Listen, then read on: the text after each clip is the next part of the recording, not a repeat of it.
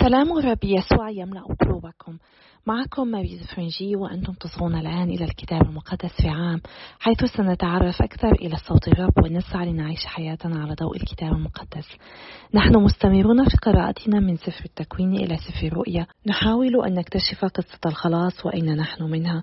ولقد وصلنا إلى حقبة زمنية جديدة ثورة المكابيين بعد أن ختمنا بالأمس الحقبة الزمنية في العودة إلى السبي. اليوم سنبدأ بقراءة كتب جديدة قد لا تجدونها في كتابكم المقدس إذا لم يكن يتبع النسخة الكاثوليكية أو النسخة الأرثوذكسية. لأن هذه الكتب قد أزيلت من الكتاب المقدس حسب النسخة البروتستانية وتعرف هذه الأسفار بالأسفار القانونية الثانية. وقد قرأنا البعض منها مثل سفر طوبية يهوديت وتتمة سفر دانيال وسفر أستير وحكمة سليمان. إضافة إلى الكتب التي سنقرأها في هذه الحقبة الزمنية سفر المكابيين الأول وسفر المكابيين الثاني وسفر سراخ وقد وصلنا إلى اليوم المئتين والثاني والثمانين وسنقرأ اليوم الفصل الأول من سفر المكابيين الأول والفصول الثلاثة الأولى من سفر السراخ وسنختم قراءتنا للفصل الواحد والعشرين من سفر الأمثال بقراءتنا الآيات الثلاثة الأخيرة من الآية التاسعة والعشرين حتى الآية الواحدة والثلاثين. وفصول سفر المكابيين هي أطول من العادة. فلنفهم القليل عن هذه الحقبة الزمنية في تاريخ الخلاص قبل أن نبدأ بقراءتنا لهذا اليوم. بعد عودة الشعب اليهودي من السبي البابلي حدث تحول كبير في القوى العالمية انتهى الحكم الفارسي لأرض يهوذا عندما غزا الإسكندر الأكبر المقدوني أمة بعد أمة. وعندما جاء الإسكندر إلى القدس في عام 332 قبل المسيح سمح لليهود بأن يستمروا في تقاليدهم الدينية ولكن بعد وفاته تم تقسيم مملكته بين قادته.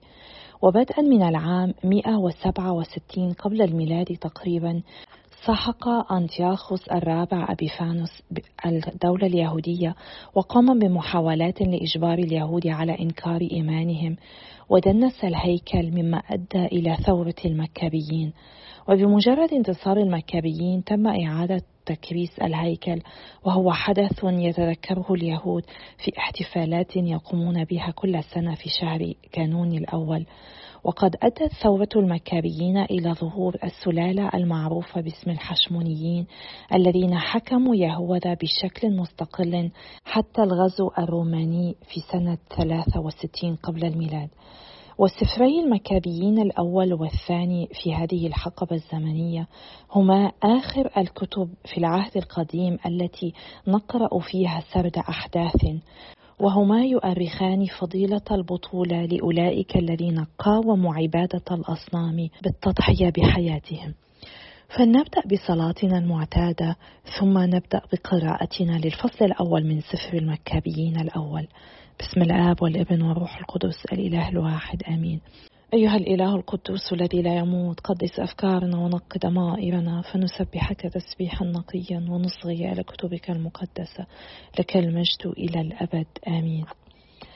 سفر المكابيين الأول. تمهيد الإسكندر الكبير. كان أن الإسكندر ابن فيلبس المقدوني بعد أن خرج من أرض كتيمة وكسر داريوس ملك فارس وميديا وملك مكانه مبتدئا باليونان شن حروبا كثيرة وفتح حصونا وقتل ملوك المنطقة واجتاز إلى أقاصي الأرض وسلب غنائم جمهور من الأمم وسكتت الأرض بين يديه فترفع في قلبه وتشامخ وحشد جيشا قويا جدا وأخضع البلاد والأمم والسلاطين فكانوا يدفعون له الجزية وبعد ذلك لزم الفراش وعرف أنه يشرف على الموت فدعا أشراف ضباطه الذين تربوا معه منذ الصبا فقسم مملكته بينهم وهو لا يزال حيا. وكان الإسكندر قد ملك اثنتي عشرة سنة حين مات فتولى ضباطه الملك كل واحد في منطقته ولبس كل منهم التاج بعد وفاته وكذلك بنوهم من بعدهم سنين كثيرة فأكثر من الشرور في الأرض. أنتيوخوس الرابع إبيفانوس ودخول الحضارة الهلينستية إلى فلسطين. وخرج منهم عرق أثيم هو أنطياخوس إبيفانوس بنو أنطياخوس الملك. وكان رهينة في روما ثم ملك في السنة المئة والسابعة والثلاثين من مملكة اليونان. وفي تلك الأيام خرج من إسرائيل أبناء لا خير فيهم فأغروا كثيرين بقولهم هلم نعقد عهدا مع الأمم التي حولنا؟ فإننا منذ انفصلنا عنهم لحقتنا شرور كثيرة.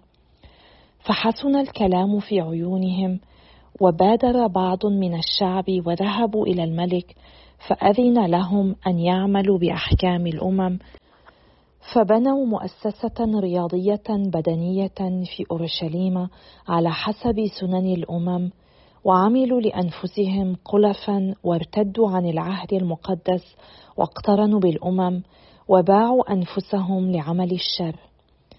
الحملة الأولى على مصر ونهب الهيكل. ولما استتب الملك لأنتيوخوس عزم على أن يكون ملك مصر ليملك على كلتا المملكتين فدخل مصر بجيش عظيم ومركبات وأفيال وفرسان وأسطول عظيم وشن الحرب على بطليموس ملك مصر فتراجع بطليموس أمام وجهه وهرب وسقط جرح كثيرون.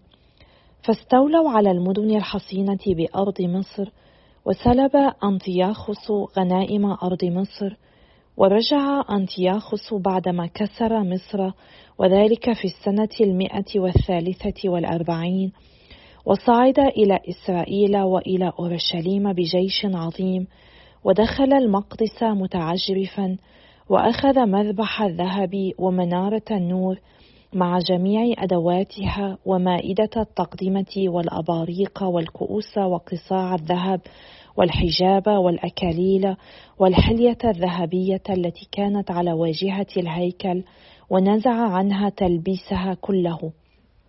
وأخذ الفضة والذهب والآنية النفيسة وأخذ ما وجد من الكنوز المكنونة. أخذ كل ذلك وانصرف إلى أرضه وأكثر من القتل وتكلم بتعجرف عظيم وكانت مناحة عظيمة في إسرائيل في كل أرضهم. انتحب الرؤساء والشيوخ وخارت قوى الفتيات والفتيان وتغير جمال النساء. وكل عريس أنشد مرثاة والمرأة الجالسة في غرفتها صارت في حداد وزلزلت الأرض بسبب سكانها وجميع بيت يعقوب لبسوا العار. أبولونيوس في أورشليم وبناء القلعة. وبعد سنتين أرسل الملك رئيس الجزية إلى مدن يهوذا فوفد على أورشليم في جيش عظيم وخاطبهم خطاب سلام مكرا فوثقوا به ثم هجم على المدينة فجأة وضربها ضربة شديدة وأهلك شعبا كثيرا من إسرائيل. وسلب غنائم المدينة وأحرقها بالنار وهدم بيوتها وأسوارها المحيط بها. وسبوا النساء والأولاد واستولوا على المواشي. وأعادوا بناء مدينة داود. فبنوا سورا عظيما متينا وبروجا حصينة فصارت قلعة لهم وجعلوا هناك أمة أثيمة من رجال لا خير فيهم فتحصنوا فيها ووضعوا فيها السلاح والطعام وجمعوا غنائم أورشليم ووضعوها هناك وصارت فخا عظيما. وكان ذلك مكمنا للمقدس وخصما مؤذيا لإسرائيل على الدوام. فسفكوا الدم الزكي حول المقدس ونجسوا المقدس فهرب أهل أورشليم بسببهم فأمست جالية غرباء وصارت غريبة للمولودين فيها وأبناؤها هجروها ودمر مقدسها كالقفر وحولت أعيادها إلى حزن وثبوتها إلى عار وكرامتها إلى احتقار وعلى قدر مجدها كثر ذلها وانقلبت رفعتها حزنا. إقامة شعائر العبادة الوثنية. وكتب الملك أنتياخس إلى مملكته كلها بأن يكونوا جميعا شعبا واحدا ويترك كل واحد سننه. فأذعنت الأمم بأسرها لكلام الملك. وكثيرون من إسرائيل رحبوا بعبادته فذبحوا للأصنام واستباحوا حرمة السبت. وأنفذ الملك كتبا عن أيدي رسل إلى أورشليم ومدن يهوذا أن يتبعوا سننا غريبة عن أرضهم ويبعدوا المحرقات والذبيحة والسكيب عن المقدس ويستبيح حرمة السبوت والأعياد وينجس المقدس والأقداس ويبنوا مذابح وهياكل ومعابد للأصنام ويذبح الخنازير والحيوانات النجسة. ويترك بنيهم قلفا وينجس أنفسهم بكل نجاسة وقبيحة كي ينسوا الشريعة ويغيروا جميع الأحكام. ومن لا يعمل بمقتضى كلام الملك يقتل. وكتب بمثل هذا الكلام كله إلى مملكته بأسرها وأقام مراقبين على كل الشعب وأمر مدن يهوذا بأن يذبحوا في كل مدينة.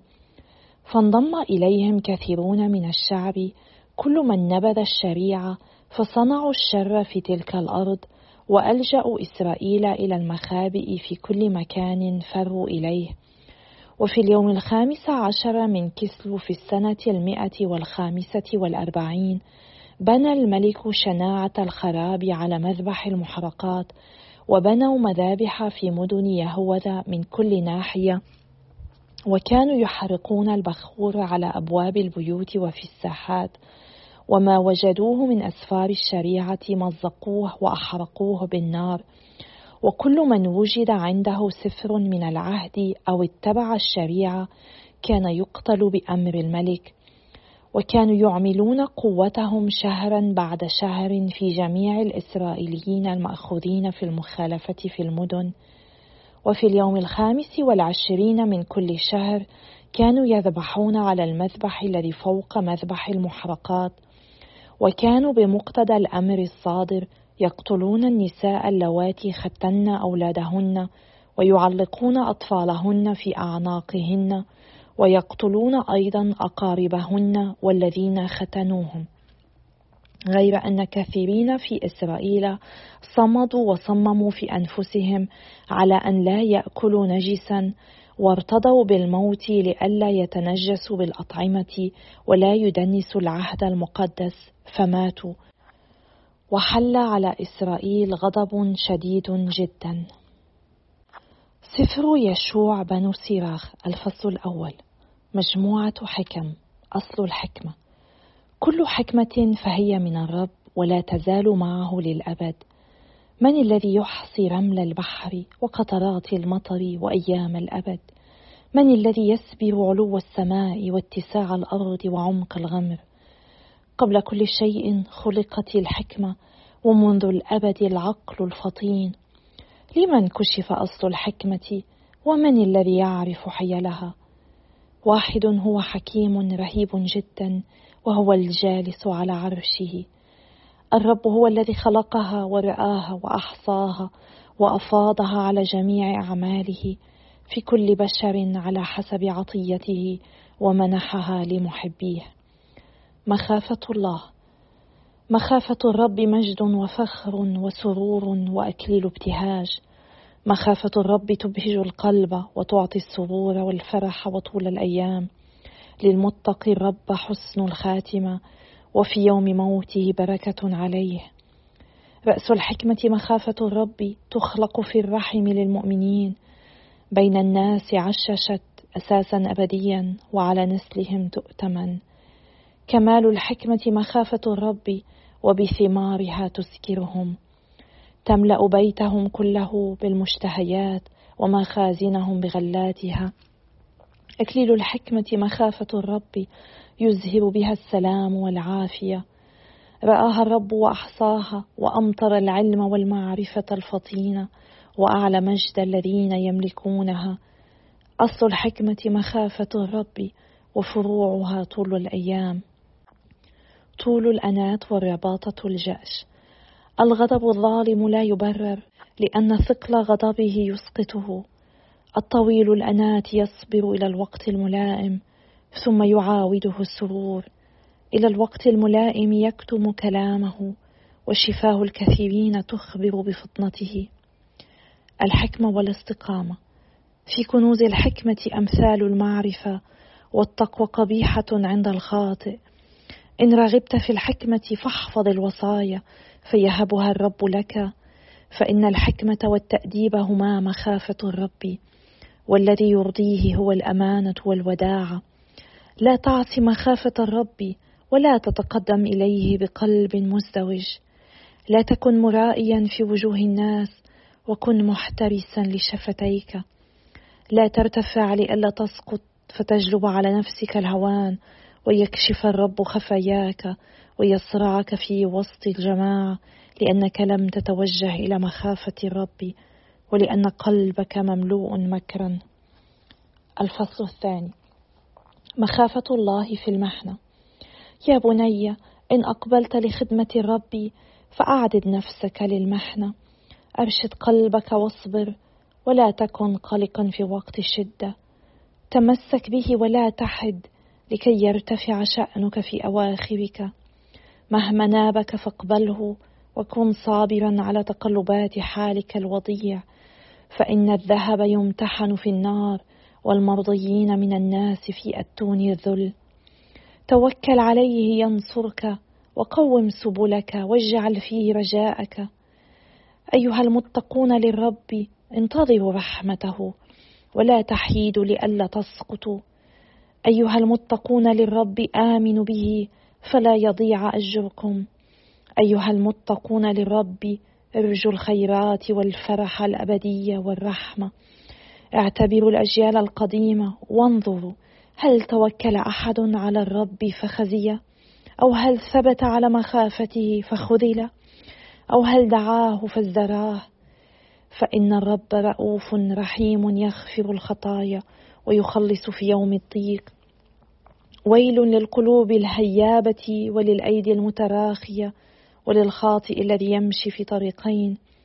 ويل للقلب المتواني لأنه لا يؤمن ولذلك لا حماية له. ويل لكم أيها الذين فقدوا الصبر فماذا تصنعون يوم افتقاد الرب؟ إن المتقين للرب لا يعصون أقواله والمحبين له يحفظون طرقه. إن المتقين للرب يبتغون مرضاته والمحبين له يشبعون من الشريعة. إن المتقين للرب يهيئون قلوبهم ويذلون نفوسهم أمامه. لنقع في يدي الرب لا في أيدي الناس لأن رحمته على قدر عظمته. الفصل الثالث الواجبات نحو الوالدين. يا بني اسمعوا لي أنا أبوكم واعملوا هكذا لكي تخلصوا. فإن الرب أكرم الأب في أولاده وأثبت حق الأم على بنيها. من أكرم أباه فإنه يكفر خطاياه ومن عظم أمه فهو كمدخر الكنوز. من أكرم أباه سر بأولاده وفي يوم صلاته يستجاب له. من عظم أباه طالت أيامه ومن أطاع الرب أراح أمه ويخدم والديه كأنهما سيدان له.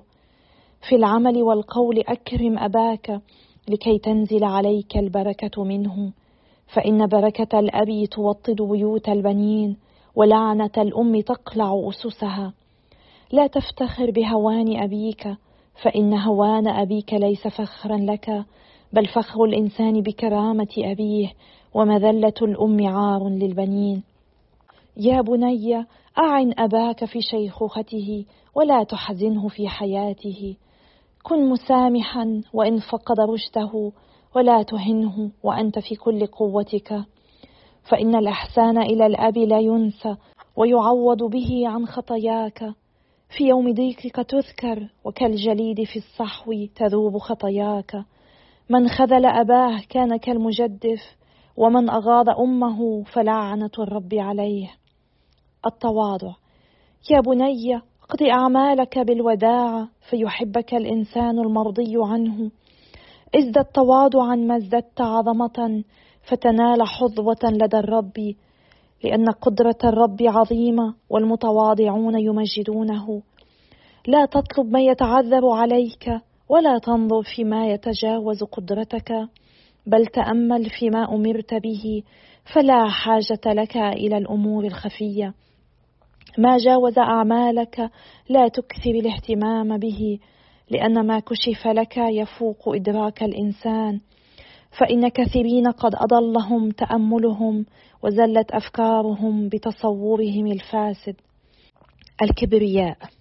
القلب القاسي عاقبته السوء والذي يحب الخطر يسقط فيه. القلب القاسي يثقل بالمشقات والخاطئ يزيد خطيئة على خطيئة. داء المتكبر لا دواء له لأن نبات الشر قد تأصل فيه. قلب العاقل يتأمل في المثل ومنية الحكيم أذن سامعة. المحبة نحو الفقراء. الماء يطفئ النار الملتهبة والصدقة تكفر الخطايا. من يقابل بالأحسنات يفكر فيما هو بعد ذلك وفي يوم سقوطه يجد سندا. سفر الأمثال الفصل الواحد والعشرون من الآية التاسعة والعشرين حتى الآية الواحدة والثلاثين. الإنسان الشرير يصلب وجهه أما المستقيم فيثبت طريقه. ليس من حكمة ولا فطنة ولا مشورة أمام الرب. الفرس معد ليوم القتال أما النصر فمن الرب. أيها الآب السماوي إننا نسبحك ونمجدك ونشكرك. نشكرك على كلمتك التي تعطينا إياها من خلال سفر المكابيين وسفر يشوع بني سراخ ونشكرك يا رب لأنك تمنحنا دائما حكمتك وتكشف لنا عنك وعن هذا العالم كيف أنك صنعتنا وأنك تدعونا لنعيش في هذا العالم ونشهد لك. نطلب منك يا رب أن تعطينا النعمة كي نعيش في هذا العالم بحكمة ونسير فيه كابناء وبنات لك اليوم وكل يوم باسم الرب يسوع. نصلي آمين. باسم الآب والابن والروح القدس الإله الواحد آمين. في الفصل الأول من سفر المكابيين الأول قرأنا عن الإسكندر الكبير الذي قام بتقسيم مملكته بين جنرالاته عندما كان يحتضر ومن نسلهم جاء أنتيوخوس أبيفانوس الذي مارس اضطهادا شديدا ضد اليهود. حتى هذه اللحظة مع البابليين والفارسيين وحتى الإسكندر الكبير كان هناك نوع من التسامح الديني حيث أن اليهود كان قد سمح لهم بأن يستمروا بممارسة شعائرهم. ولكن تحت حكم أنطياخوس أبيفانوس بدأ عهد شمولية حيث طلب من الناس أن ينسجموا مع الآخرين أن يفعلوا مثل الآخرين حتى تصبح الأمور كلها على أحسن ما يرام. ونحن نتذكر من قراءتنا السابقة أن الشعب قد واجه هذه التجارب في السابق حيث رغب بأن يبدو وأن يتصرف تماما مثل الآخرين. مثلا الكنعانيين عندما دخلوا أرض الميعاد وها هم الآن كثيرون منهم يختارون أن يكونوا مثل اليونانيين وينسون أنهم شعب مختار من الله مميزون عن الآخرين. وقد تم بناء صالة للألعاب الرياضية في أورشليم وحسب العرف اليوناني كان الرجال يمارسوا الرياضة عراة مما يجعل من السهل معرفة من هو اليهودي بسبب الختان. ونقرأ في الآية الخامسة عشرة أن كثيرين عملوا لأنفسهم قلفا وارتدوا عن العهد المقدس واقترنوا بالأمم مما يعني أنهم خضعوا لجراحة كي يغطوا علامة الختان الخاصة بهم حتى يتمكنوا من التكيف مع الحضارة اليونانية المسيطرة. في هذا نرى مثلا عن الشمولية الناعمة التي تمهد الطريق للشمولية المطلقة التي أدت إلى ازدياد عبادة الأصنام وبنى الملك شناعة الخراب على مذبح المحرقات كما نقرأ في الآية الرابعة والخمسين. وأمر الملك بأن يترك الأولاد قلفا وصدر مرسوم يحكم بالإعدام على كل من يختن أولاده. ولكن القصة لم تنتهي هناك لأن الشعب اليهودي قاوم هذه الأعمال كما نقرأ في نهاية الفصل الأول. أن كثيرين في إسرائيل صمدوا وصمموا في أنفسهم على أن لا يأكلوا نجسا وارتضوا بالموت لئلا يتنجسوا بالأطعمة ولا يدنسوا العهد المقدس فماتوا. وسنقرأ قصصا واقعية في سفر المكابيين الثاني عن شجاعة لا توصف وأمانة لا توصف في وقت الاضطهاد أظهرها هذا الشعب.